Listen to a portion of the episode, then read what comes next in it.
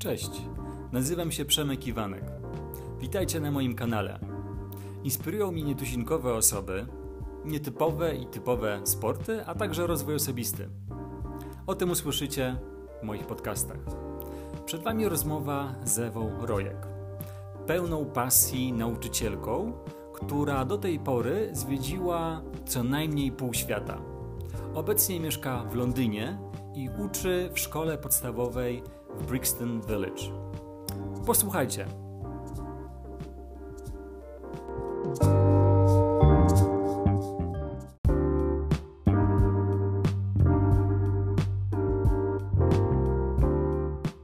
Cześć Ewa.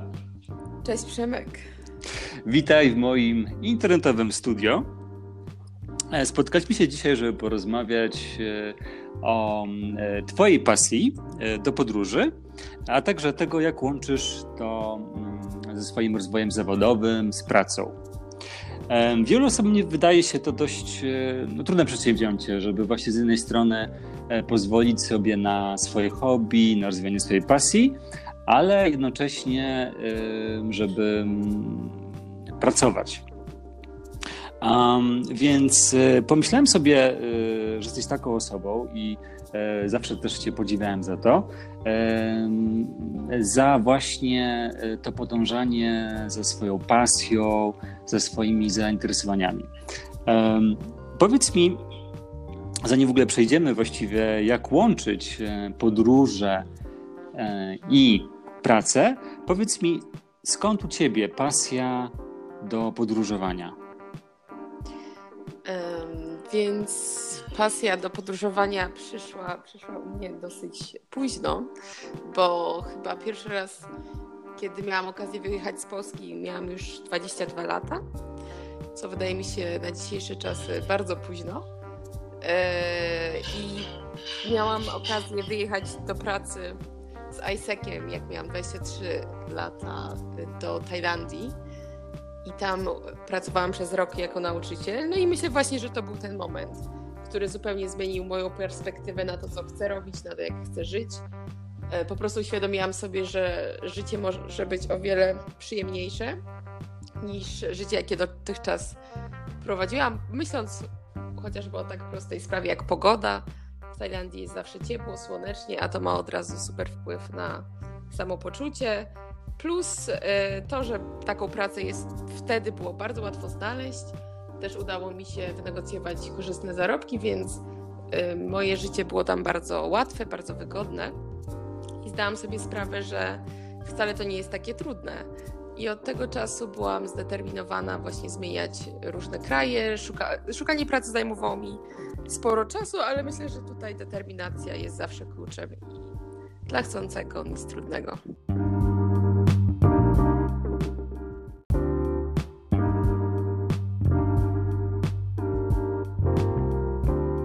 Tak, powiedziałaś, e, że wyjechałaś e, e, jeszcze będąc studentką. Przypuszczam, że dla ciebie taka podróż na inny kontynent wiązała się z dużym wyzwaniem, bo to była twoja pierwsza podróż do Azji, prawda? Tak, to była w ogóle moja pierwsza podróż poza Europę. Pierwsza podróż też na tak długo, bo na rok i do bardzo dalekiego, egzotycznego kraju. Ale szczerze mówiąc, z tego co pamiętam, to już jakiś czas upłynęło, nie bałam się tego, nie stresowałam się tym. To było takie rzucenie się na głęboką wodę, ale teraz widzę, że to, to jest coś, co ja lubię. Lubię się rzucać na głęboką wodę i zawsze jakoś się w tym odnajduję. E, pierwsze może dni były, były stresujące czasami. E, no wiadomo, nieznajomość języka i odnalezienie się w też w tak chaotycznym i zatłoczonym mieście jak Bangkok bywało stresujące, ale jednak no, te pozytywne doświadczenia zawsze, zawsze przeważały i to było niezapomniane przeżycie. A było coś takiego, co Cię szczególnie zaskoczyło, będąc e, te pierwsze dni, tygodnie w Bangkoku? Znaczy, myślę, że właśnie takie codzienne sprawy, typu na przykład infrastruktura, że potrafiłam się gubić w takich bardzo prostych życiowych sytuacjach, jak na przykład przejście przez drogę, bo mieszkałam koło autostrady i kiedyś zajęło mi godzinę znalezienie miejsca, w którym mogłabym przejść przez tą drogę, żeby dojść do domu. To są, to są takie sytuacje, o których w ogóle sobie no nawet nie myślimy tak na co dzień żyjąc w takim kraju jak Polska. Czy prawda, takie trudności jak kupienie jakiegoś produktu w sklepie, gdzie nikt nas nie rozumie, gdzie nie rozumiemy też, co pisze, co jest napisane na opakowaniach, bo to jest zupełnie inny alfabet. No tak, tak naprawdę, co sobie uświadomiłam, że takie najprostsze sprawy stają się w takim kraju bardzo trudne. Tak, a z tego co pamiętam, to nie były czasy, kiedy było, były dostępne Google Maps, czy też inne takie aplikacje jak Tłumacz, czy coś, co można było wykonać, wiesz, prosto z telefonu, tylko e, właściwie do takich krajów wyjeżdżało się z rozmówkami, ewentualnie e, z jakąś wydrukowaną mapą i trzeba było sobie jakoś radzić, prawda? No tak, właśnie, właśnie dziś, jak sobie o tym pomyślę, aż sama się zastanawiam, jak ja to robiłam, bo dzisiaj się nie poruszam, po Londynie się nie poruszam bez Google Maps, ale no cóż, myślę, że po prostu zajmowało to o wiele, wiele dłużej. I kosztowało to, to mnie o wiele więcej frustracji. Ale wszystko było do zrobienia i do znalezienia. Przed tym pierwszym wyjazdem yy, rozumiem, że ta pasja do podróży w tobie się rozwijała. Czy chciałabyś o tym też coś powiedzieć? Wydaje mi się, że ponieważ przez tak wiele lat w ogóle nie wyjeżdżałam z Polski przez praktycznie, no tak, 22 lata, i zawsze czułam, że muszę to nadrobić. I jak zaczęłam podróżować, w tym roku, w którym wyjechałam do Bangkoku, udało mi się objechać praktycznie wszystkie sąsiednie kraje wokół Tajlandii. E, później w drodze powrotnej do Polski zajechałam, albo właściwie zaleciałam do Australii, do Japonii. Więc w ciągu tego roku myślę, że nadrobiłam wiele, wiele straconych lat podróży i też sobie uświadomiłam właśnie, że, że bardzo, jak bardzo wiele można zrobić w krótkim czasie. I od tego czasu, no tak, jest to taka pasja, której się po prostu nie da, nie da się przestać podróżować, jak się raz zacznie. Tak, z Twoich powieści, kiedy się spotykamy, kiedy rozmawiamy, e, zawsze opowiadasz o swoich e, nowych przygodach, nowych podróżach. E, wydaje mi się, że chyba już byłaś na wszystkich kontynentach, chyba oprócz e, Antarktydy. tak, tak. I nie ciągnie mnie tam. Póki co. Tak, aczkolwiek na pewno najwięcej podróżowałam po Azji. Bo byłam tam w większości azjatyckich krajów też sporo po Afryce, no i teraz staram się celować w Amerykę Południową. Mm -hmm. A y, jeśli chodzi, wiesz, o, y, o Twój zawód, y, jesteś nauczycielką. Y, czy to był taki Twój świadomy wybór, żeby stać nauczycielką? Y, czy to jakoś wyszło? znaczy, y, ponieważ studiowałam lingwistykę stosowaną i można tam było robić tylko dwie specjalizacje, albo tłumaczeniową, albo nauczycielską. W jaki sposób e, zawsze byłam tego świadoma, aczkolwiek na pewno szłam na studia z myślą o tym, że będę tłumaczem, a ta nauczycielska to była taka na wszelki wypadek. I też nigdy, nigdy mnie nie do końca, tak do końca nie interesowało nauczanie angielskiego, czyli to, co robiłam w Polsce, ale to właśnie w Tajlandii sobie uświadomiłam, że nie muszę uczyć angielskiego, że mogę po prostu uczyć w szkole podstawowej gdzie jestem z jedną klasą od rana do późnego popołudnia i nie uczymy się tylko słówek, tylko uczymy się wszystkiego czytania, pisania, matematyki, tak jak w każdej szkole podstawowej i to mi dawało bardzo dużo satysfakcji, wydawało mi się wiele ciekawsze i to też się wiąże z tymi długimi wakacjami w ciągu roku, to jest prawie trzy miesiące. E, no i wtedy stwierdziłam, że tak naprawdę to jest bardzo fajna praca. Oczywiście ma swoje plusy i minusy, ale robię to już od, od 10 lat. I, e, I na pewno e, są inne zawody, w których myślę, że też bym się odnalazła, ale póki co jest to najbardziej komfortowy zawód, aby mogła podróżować i przemieszczać się też, szukać prac w różnych innych krajach i na różnych kontynentach. Czyli kolejne wyzwania w pracy są tak naprawdę też dla Ciebie takim kolejnym wyzwaniem, jeśli chodzi o realizację Twoich podróży. Hmm. Tak, gdyż wydaje mi się, że szkoła to jest też takie miejsce, gdzie się odbywa wiele y, takich ważnych dla kultury. Dobrze, jeszcze raz. Szkoła jest mhm. mocno związana z kulturą kraju i zawsze w każdej szkole celebruje się różne święta narodowe. I jest to bardzo dobre miejsce, żeby też się tak naprawdę w tą kulturę zagłębić i y, mieć taki żywy kontakt z tubylcami, z dziećmi, z dorosłymi. Więc no, pracuję w, szkole, w szkołach dlatego, że taką pracę potrafię znaleźć, ale też dlatego, że jest to miejsce, gdzie naprawdę można się zagłębić w lokalną kulturę.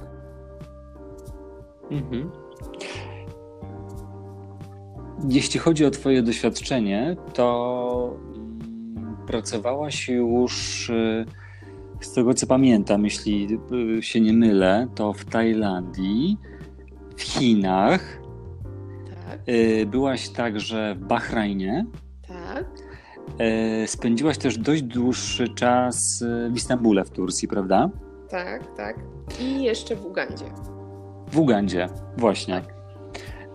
Um, czy, czy jest właściwie coś, co te wszystkie Twoje doświadczenia łączy? No na pewno sam fakt mieszkania na innym kontynencie jest, jest czymś, co, co łączy te doświadczenia. Może trochę, troszeczkę inaczej jest na pewno teraz, jak jestem w Londynie, bo to jest Europa, to nie jest tak egzotyczny kraj. Na pewno Chiny, Tajlandia też mają w sobie coś wspólnego, bo, bo to była Azja. Ale jak patrzę wstecz, no jednak każde, każde z tych doświadczeń było inne i wszystkie te kraje mi się kojarzą z czymś zupełnie innym tak naprawdę.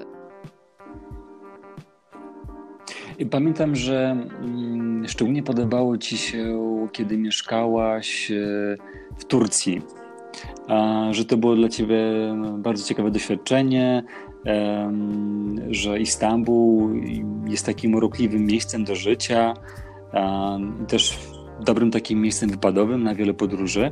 Mm, czy są jakieś takie szczególne wspomnienia z Istanbulu, które pamiętasz, e, które no, przypominają Ci o tym e, czasie?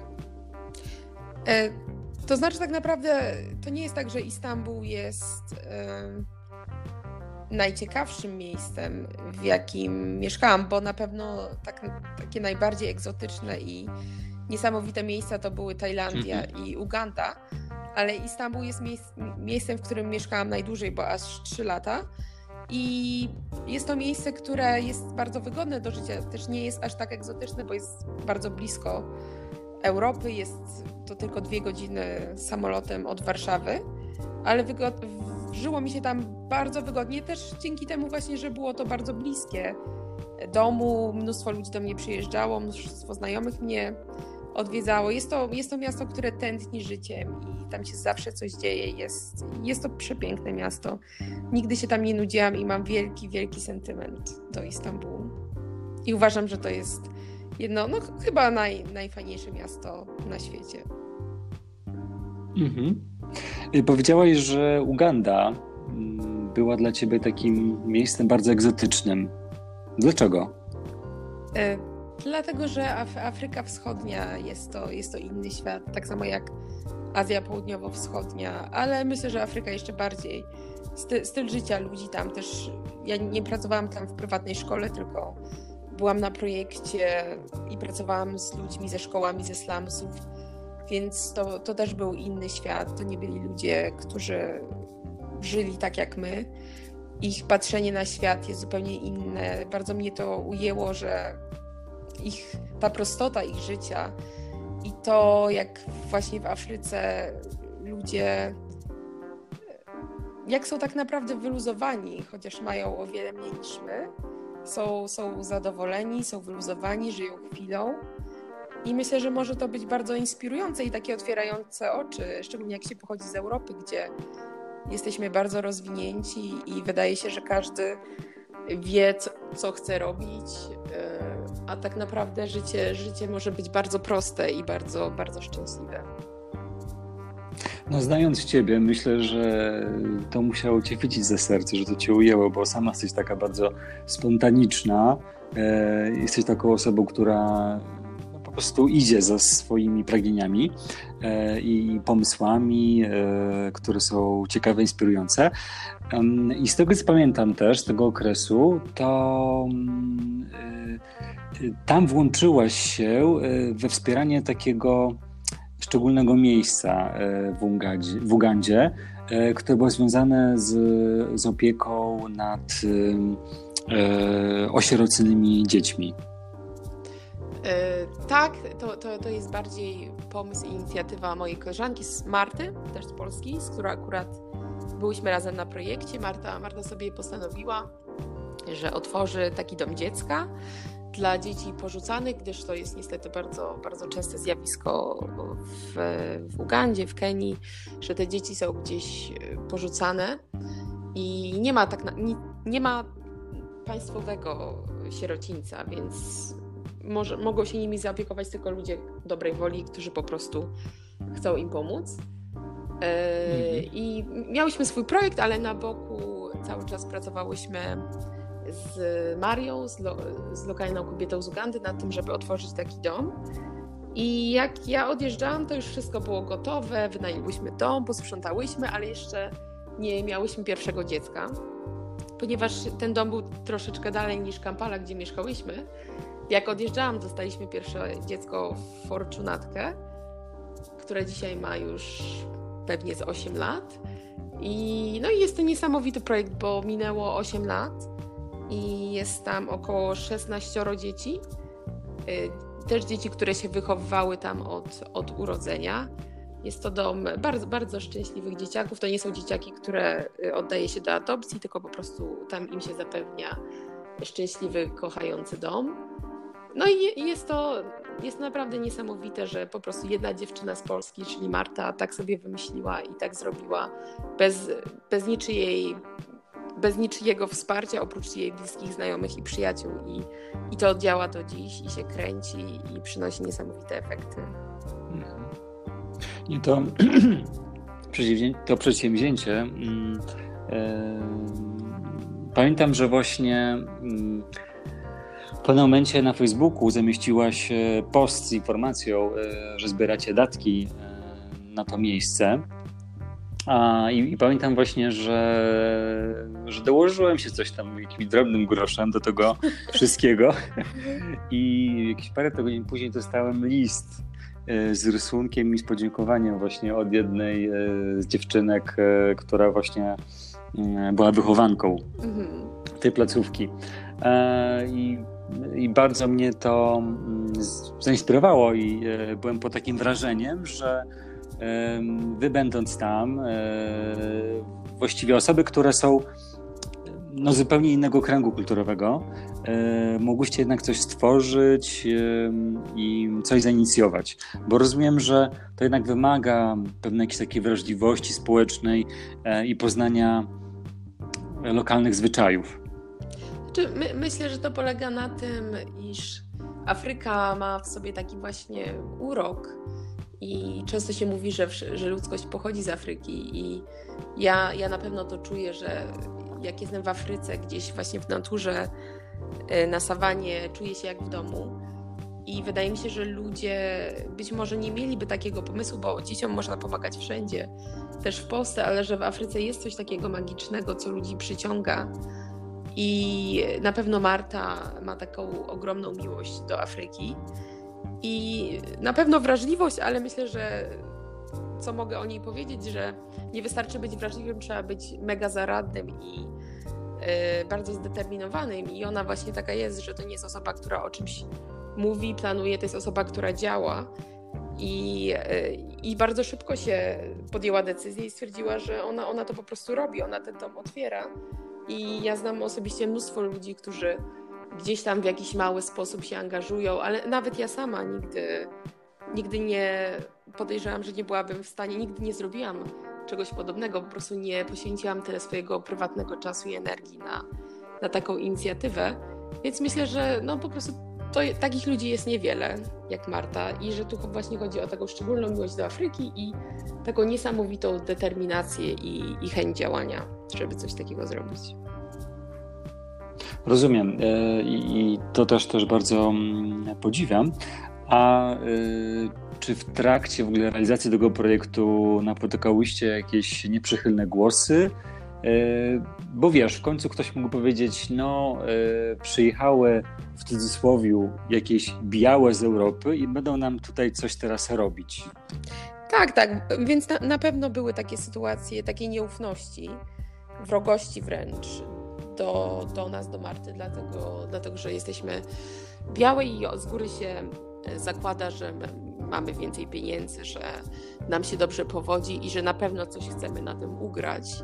Ale tak samo y, Marta się spotykała z takimi negatywnymi reakcjami w Polsce, gdyż ona od początku zakładała, że większość tych środków na utrzymanie dzieci będzie pochodzić z Polski i zbieraliśmy je wśród polskich znajomych, ale też wśród polskich firm. I na przykład właśnie tacy E, szefowie polskich firm mówili, dlaczego, dlaczego chcę pomagać tym dzieciom, dzieciom z Ugandy, a nie naszym dzieciom, polskim dzieciom. Więc myślę, że to takie właśnie może iść w dwie strony, że po prostu są ludzie bardzo podejrzliwi, nieprzychylni, ale, no, ale na pewno było więcej tych y, pozytywnych reakcji i ludzi, którzy chcieliby, chcieli pomóc, bo, bo sama Marta by tego nigdy pewnie bez ich pomocy nie, nie mogła założyć takiego domu. Rozumiem, rozumiem. E, chciałem też troszeczkę zmienić temat, e, ale nadal, czy, nadal chcę się trzymać e, tego naszego kierunku, którym są podróże i tego je właściwie łączyć e, te podróże z pracą. I to właściwie nam wyjaśniłaś, prawda, że e, podjęłaś się pracy jako nauczycielka. Z, początku była to praca y, dotycząca nauczania angielskiego i dalej przerodziła się y, w takie nauczanie po prostu w szkole różnych y, przedmiotów. Rozumiem, że teraz właściwie zajmujesz się konkretnie nauczaniem zintegrowanym. Tak, ale, ale to. Czy, czy coś pokręciłem? Nie, chodzi o to, że od początku w Tajlandii, to właśnie w Tajlandii zaczęłam uczyć w szkole podstawowej. Właściwie to było wtedy przedszkole. I od tego czasu takiej pracy się trzymam, czyli pracy, gdzie uczę jedną klasę przez cały dzień codziennie. Uczę ich wszystkich przedmiotów. I to zawsze robiłam właśnie w Istambule, w Bahrajnie. A, a nauka angielskiego to tak naprawdę było coś, co robiłam tylko, tylko w Polsce. Nauka angielskiego jako języka obcego. A w tych szkołach, w których pracuję, to jest podstawówka, więc uczę czasami zerówkę, czasami pierwszą klasę, teraz uczę pierwszą klasę, czasami uczyłam drugą klasę. Tak, y, rozumiem, żeby wykonywać Twój zawód, to potrzebujesz y, mieć formalne wykształcenie ku temu. E, tak, i mam dyplom z Polski y, magistra lingwistyki z, ze specjalizacją nauczania i to jest coś, co uznawali moi pracodawcy w Azji, w Afryce. Y, jeśli chodzi o Anglię, to udało mi się dopiero dwa lata temu zdobyć status nauczyciela Anglii, też na podstawie y, tego dyplomu z Polski. Jeśli chodzi o niektóre kraje, mogą wymagać innych dokumentów, mogą wymagać dyplomu z Anglii albo z Ameryki, więc jest to troszeczkę takie no, no nie jest to uregulowane, prawda? Te szkoły międzynarodowe, każda ma jakieś swoje wymagania, ale w większości szkół moje kwalifikacje są y, akredytowane. Rozumiem. Czytałem też e, na wielu blogach związanych e, z pracą za granicą, że jest także możliwe to, żeby pracować jako nauczyciel, nauczycielka na przykład ucząc właśnie już konkretnie, przepraszam, angielskiego. I że to jest możliwe właściwie bez żadnych takich większych kwalifikacji. E, czy z Twojego doświadczenia, z obserwacji e, lub też może wśród znajomych, czy widzisz, że coś takiego właściwie jest możliwe? Um, tak, dlatego tak, to, co mówię, że, że tak naprawdę te wymagania są umowne, że w takim kraju jak Anglia, żeby uczyć w podstawówce, trzeba mieć konkretny papier i albo się go ma, albo nie, ale jeżeli chodzi o szukanie pracy w Azji, gdzieś w Chinach, w Tajlandii, to tak naprawdę nie jest uregulowane, więc zależy tylko i wyłącznie od pracodawcy i jego wymagań. Nie, nie są to szkoły narodowe, to są szkoły prywatne i to, czego one sobie zażyczą, yy, to zależy od nich. Więc jest to, myślę, że jest to możliwe szczególnie, żeby uczyć angielskiego, dlatego że to jest tylko nauka języka, to nie jest nauka czytania, pisania, matmy i tak dalej. I na pewno takim największym rynkiem jest Azja, dlatego że w Azji, w Chinach przede wszystkim, myślę, że też w Tajlandii jest mnóstwo chętnych na naukę języka angielskiego. No i nadal myślę, że działa ten efekt Europejczyka, białego człowieka, który mówi po angielsku i będzie uczył dzieci po angielsku, i za to rodzice z Tajlandii czy Chin są skłonni sporo zapłacić. I myślę, że jeżeli ma się odpowiednie podejście, jakąś przebojowość, nie powinno to być zbyt trudne, żeby się dostać do takiej szkoły. Mhm. Mm, brzmi to bardzo ciekawie, i, ale właściwie mówimy o takich samych superlatywach, ale przypuszczam, że są też, są też pewnie jakieś minusy takiej pracy.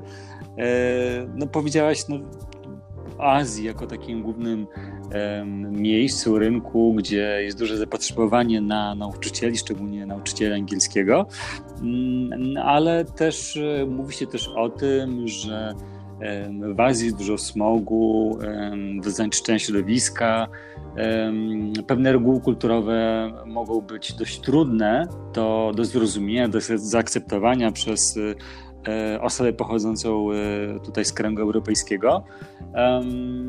Jak to widzisz? Jakie są takie wyzwania e, dla osób, które chcą się przenieść na przykład właśnie do Azji i tam pracować? E, myślę, że te największe wyzwania to są właśnie wyzwania życia codziennego. W kraju, w którym się nie zna języka, w którym być może też jest inny alfabet. E, rzeczy typu wynajęcie mieszkania, gdzie w, ja tutaj w Londynie czy w Polsce po prostu patrzymy na ogłoszenie, dzwonimy, szukamy w Turcji było to jedno z najbardziej frustrujących doświadczeń szukanie mieszkania, dlatego że wszystkie ogłoszenia są po turecku, nic nie byłam w stanie załatwić sama, zawsze musiałam prosić kogoś o pomoc. Na szczęście byłam tam zatrudniona przez szkołę, więc ci ludzie byli zobowiązani mi pomóc. Ale jeżeli się jedzie do kraju, gdzie się zupełnie nikogo nie zna, nie ma się tam jeszcze pracy, nie ma się ludzi, którzy, którzy są za nas odpowiedzialni, no takie najprostsze rzeczy mogą być bardzo frustrujące i bardzo trudne. Czyli nie mogłaś być tak naprawdę samodzielna. Mm, tak, jak najbardziej. I też to właśnie. Przynajmniej jeśli, każdy... chodzi o, tak, przynajmniej chodzi o takie sprawy związane z, z mieszkaniem, czy też załatwianiem tak, tak. spraw I, administracyjnych. I są takie, prawda, lokalne zasady, których nie znamy, to jak się załatwia pewne sprawy, formalności. W tych krajach jest o wiele więcej biurokracji. E, nie dość, że trzeba czekać w tych kolejkach w urzędzie, później się okazuje, że się nie rozumiemy, że ktoś nas odsyła cały czas z papierami. E, są to takie rzeczy, które u nas się załatwia szybciej gdzieś tam przez internet, a tam jednak jest to o wiele bardziej zbiurokratyzowane i zawsze ktoś nam może powiedzieć nie, bo po tak chce po prostu. Czyli polski urząd nie taki straszny, jak go malują. Nie taki straszny. Aczkolwiek słyszałam podobno, mój kolega z Gruzji mówił, że straszny, więc to myślę, że to jest właśnie ten efekt y, mieszkania w obcym kraju, gdzie, gdzie jeżeli stamtąd nie pochodzimy, jest o wiele, jest o wiele trudniej. Rozumiem. A jeśli chodzi o takie kulturowe wyzwania, hmm, wspominałeś, że w Chinach było E, że, że było to dość specyficzne dla Ciebie miejsce, e, bo mieszkałaś. E, no właśnie, może opowiedz o tym doświadczeniu bliżej. No tak, Chiny, Chiny to jest moje jedno z ostatnich doświadczeń sprzed dwóch lat. I na pewno rok spędzony w Chinach nie, nie będzie rokiem, który będę zbyt pozytywnie wspominała, ale myślę, że to też wynikało z tego właśnie, że już przywykłam do pewnego komfortu, życia, tak jak w Istambule i, i później pojechałam do tych Chin, gdzie wszystko było takie chaotyczne, ale podobnie było pod wieloma względami, jak pojechałam do Tajlandii ponad 10 lat temu, ale po prostu te rzeczy mi nie przeszkadzały, bo byłam zupełnie, inny, byłam zupełnie inaczej nastawiona. A dzisiaj już wymagam trochę więcej komfortu i, i logiki. No więc w Chinach y, wielkim, wielkim problemem jest y, język. Tam nikt nie mówi po angielsku, nawet, nawet na lotnisku, gdzie się okazało, że ktoś miał mnie odebrać, ale wylądował na innym terminalu. Nikt z obsługi lotniska nie był mi w stanie powiedzieć, yy, odpowiedzieć po, po, angielsku, co było bardzo szokujące, bo jednak jest to międzynarodowe lotnisko w Pekinie. Yy, do tego alfabet oczywiście nie jesteśmy nic w stanie przeczytać sami ani zrozumieć. No i takie zasady właśnie higieny, które, które dla mnie są brakiem zasad higieny. A rozumiem, że jeśli chodzi o ten alfabet, to, to trudno nawet sobie poradzić, mając e, u boku smartfon i różne aplikacje. Rozumiem, że chiński jest takim językiem, który mm, no, sprawia problemy. E, to, to jest język, którego po prostu nie jesteśmy w stanie e, zrozumieć, nie jesteśmy w stanie przeczytać. I są już takie aplikacje, które skan skanują ten alfabet i można, może aplikacja tłumaczyć, ale może to robić tylko słowo po słowie. Więc na przykład menu w restauracji jest zawsze po chińsku. Można sobie przykładać e, tą aplikację i słowo po słowie próbować zrozumieć, co to jest e, za potrawa. Brzmi no, to dość to mozolnie. prawda? Bo to, to, są takie codzienne, zwykłe rzeczy. Idę do knajpy, zamawiam jedzenie i, i tyle, a tam właśnie to się staje bardzo, bardzo męczące. Rozumiem. Um, um,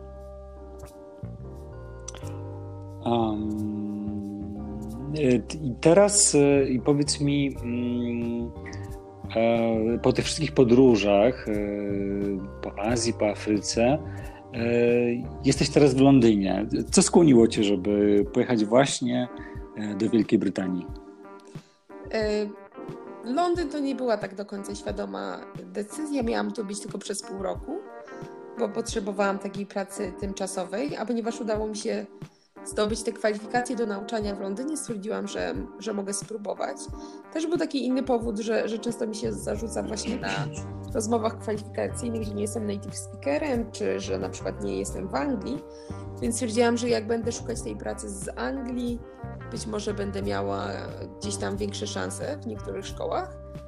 E, no ale tak naprawdę przyjeżdżałam i tak z myślą, że tylko na pół roku, ale jak zaczęłam tu mieszkać, e, stwierdziłam, że jest to miasto bardzo wygodne do życia i jest to miasto, w którym tak wiele się dzieje, że naprawdę nie można się nudzić.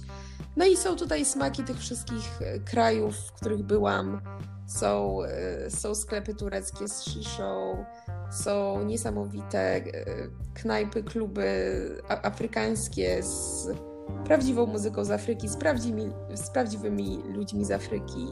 Są wspaniałe restauracje azjatyckie, też gdzie gotują Azjaci, gdzie jest, gdzie jest prawdziwa atmosfera, jak wyjęta z, z Tajlandii. Czyli właściwie nie podróżując, masz dostęp do takich rzeczy, które dokładnie, naprawdę uwielbiasz. Dokładnie. I, I do tego mam tutaj sporo znajomych właśnie z Polski, którzy, którzy też bardzo często wychodzą. Ja uwielbiam chodzić na musicale, więc to też taka jedna z rzeczy, który, których tutaj, na które tutaj mogę chodzić co tydzień. E, pogoda, pogoda nie jest taka zła, odległość do Polski idealna. No więc jest tu wiele, wiele wygód, które, które sprawiają, że się nie chce wyjeżdżać, ale myślę, że na dłuższą metę nie, nie sądzę, żebym tu została. Mm-hmm. No, no, znając ciebie wiem, że, że, że jesteś osobą taką, która no, po prostu uwielbia podróżować i no, która której raczej ciężko y, przyzwyczaić się do jakiegoś jednego miejsca i po prostu e, tak sobie wygodnie i spokojnie żyć. Rozumiem, że ty y, jesteś taką osobą, która mm, po prostu uwielbia przygodę. Tak, tak. Oczywiście z wiekiem być może nie aż tak przygodowe jak parę lat temu i na pewno szukam też jakiegoś komfortu, ale, ale słowo spokojnie to na pewno nie jest słowo, które do mnie przemawia. Dokładnie. I mm, jak sobie myślisz o takiej najbliższej przyszłości, to um, gdzie sobie wyobrażasz taką kolejną przygodę? Jeśli chodzi o podróże, to na pewno Ameryka Południowa. Jeśli chodzi o pracę, te, też, też chętnie bym tam pracowała, ale wiem, że, że takich szkół jest tam bardzo mało i zarobki nie są zbyt wysokie, więc to jest coś zniechęcającego, ale na pewno jeśli chodzi o podróże, to jest Ameryka Południowa. A jeśli chodzi o jakieś miejsce do, do życia, no to na pewno czuję taką wielką y, magię w Afryce i to jest na pewno miejsce, w którym chciałabym jeszcze pomieszkać, ale, ale nie wiem dokładnie gdzie. Jest tam, jest tam też sporo szkół międzynarodowych, gdzie, gdzie też często można dostać bardzo korzystny kontrakt. No nie mówię Azji, nie. Myślę, że Ameryka Północna to nie jest miejsce, gdzie mogłabym y, znaleźć pracę. Europa też jest nie do końca y, korzystnym miejscem do pracy, gdyż są dosyć niskie zarobki dla nauczycieli i wysokie koszty życia. Australia też mnie nie do końca interesuje, bo jest to taki zachodnia kultura, więc no myślę, że właśnie tutaj gdzieś Afryka, Ameryka Południowa. No rozumiem, że Antarktydę już wykreśliliśmy z listy. nie, z chęcią, z chęcią bym się, bym się tam kiedyś przeleciała. No ale ogólnie nienawidzę zimy, nienawidzę zimna, więc no nie, nie, nie jest to na pewno gdzieś. Czyli, czyli jednym z kryteriów, e, które używasz przy wyborze danego kraju, w którym chciałabyś ewentualnie pracować, czy do którego chcesz podróżować, e, jest e, temperatura i tego, jaka jest pogoda, jakie są takie warunki klimatyczne. Myślę, że to jest myślę, że to jest coś, z czego sobie nie zdajemy sprawy, jeżeli albo mieszkamy w bardzo przyjemnej strefie klimatycznej, to, to jest dla nas oczywiste, ale właśnie jeżeli pochodzimy z takiego kraju jak Polska, gdzie jednak przez te 6 miesięcy jest jest naprawdę ponuro i później jedziemy do, o czym się sam przekonasz niedługo, później jedziemy do takiej Tajlandii, gdzie jest 30 stopni przez cały rok, to ch chyba każdy sobie szybko zdaje sprawę, że jednak ogromny wpływ ma na nas pogoda. Tak, tak, tak, zdecydowanie. A powiedz mi, mm, jaką radę dałabyś osobom, które e, właśnie myślą, żeby e, właśnie połączyć pracę z pasją do podróżowania, właśnie na przykład poprzez e, uczenie angielskiego, bo oczywiście katalog tych prac jest, jest szeroki, prawda, bo można robić różne rzeczy w obecnych czasach. E, mówi się też często o tak zwanych cyfrowych nomadach, osobach, które podróżują z laptopem, wykonują bardzo różnego rodzaju pracę i pracują właśnie zdalnie, podróżując, odwiedzając nowe miejsca, E, no oczywiście może to się łączy z takim stereotypowym wyobrażeniem, że taka osoba sobie po prostu leży na plaży z komputerem na kolanach, popija sobie drinka i pracuje. Przypuszczam, że y, to nie jest takie łatwe i takie to nie jest taki, taki idealny obrazek, jak sobie wyobrażamy. Ale powiedz mi, mm, Jaka jest Twoja rada dla takich osób, które właśnie e, chcą wyjechać i e, no, chcą e, przeżyć jakąś przygodę? E, wydaje mi się, że to też zależy od wieku. Więc młodym ludziom, takim koło dwudziestki, zaraz po studiach, na pewno bym radziła po prostu pojechać gdzieś, bo w młodym wieku nie zależy nam tak bardzo na karierze, na pieniądzach i to jest taki właśnie czas, żeby naprawdę wejść w tą przygodę i, i się też trochę otworzyć. Myślę, że jak, gdybym ja nie pojechała do Tajlandii, to na pewno moje życie by nie wyglądało tak, jak wyglądało, bo to zmieniło zupełnie moją perspektywę. Więc jak jesteśmy młodzi, to po prostu jechać. Jest mnóstwo praktyk, jest mnóstwo możliwości, jest mnóstwo platform internetowych, gdzie można pracować jako wolontariusze, czy za jakieś e, opieru, tak za i opierunek. Możliwości jest mnóstwo. Natomiast jeżeli chodzi o ludzi, którzy już mają w jakiś sposób e, karierę wytyczoną i którzy się boją porzucić takich, takich swoich filarów życia, no, my, no to myślę, że po prostu trzeba, trzeba podróżować ile się da. Wiem, że ludzie biorą urlopy bezpłatne, jadą gdzieś na parę miesięcy. Może wtedy czasami też nie warto szukać pracy, tylko warto pojechać w taką podróż dookoła świata na którą też nie trzeba mieć mnóstwo pieniędzy. Znam moją koleżankę z, z lingwistyki, która jest już w podróży od trzech lat ze swoim mężem i nie mają, wrzucili swoje prace, na pewno mieli jakieś oszczędności, ale one już się musiały dawno skończyć, bo, bo są w podróży już od trzech lat. No i, i jakoś sobie radzą właśnie chyba przez tą platformę Workaway, jakiś wolontariat. No myślę, że chodzi tutaj naprawdę o, o chęci i determinację. I jak się chce, to na pewno można znaleźć pracę, na pewno można znaleźć jakieś środki. Tylko trzeba tego naprawdę chcieć. Myślę, że nie każdy też by się odnalazł w takiej rzeczywistości, gdzie nie wiemy, gdzie będziemy mieszkać, nie wiemy, co, co się wydarzy jutro. Myślę, że nie, nie każdemu taka sytuacja braku stabilizacji odpowiada. Więc to też, to też muszą być ludzie, którzy, którzy naprawdę chcą taką przygodę przeżyć. Mm-hmm, mm-hmm. Dzięki Ewa, zupełnie się z Tobą zgadzam. E, tak jak mówisz, że po prostu trzeba otworzyć się na taką możliwość, e, zdecydować się i wybrać pierwszą opcję, która jest możliwa. E, oczywiście, jeżeli mamy jakichś konkretnych planów, a później szukać, szukać tych możliwości, których jest naprawdę bardzo dużo. E, dziękuję Ci, Ewo, za tę wspaniałą rozmowę. Mam nadzieję, że spotkamy się jeszcze ponownie i może rozwiniemy jeden z tych tematów, które poruszyliśmy, bo e, są one niezwykle ciekawe. Więc e, dziękuję Ci jeszcze raz i jesteśmy w kontakcie. Dziękuję Przemysławie.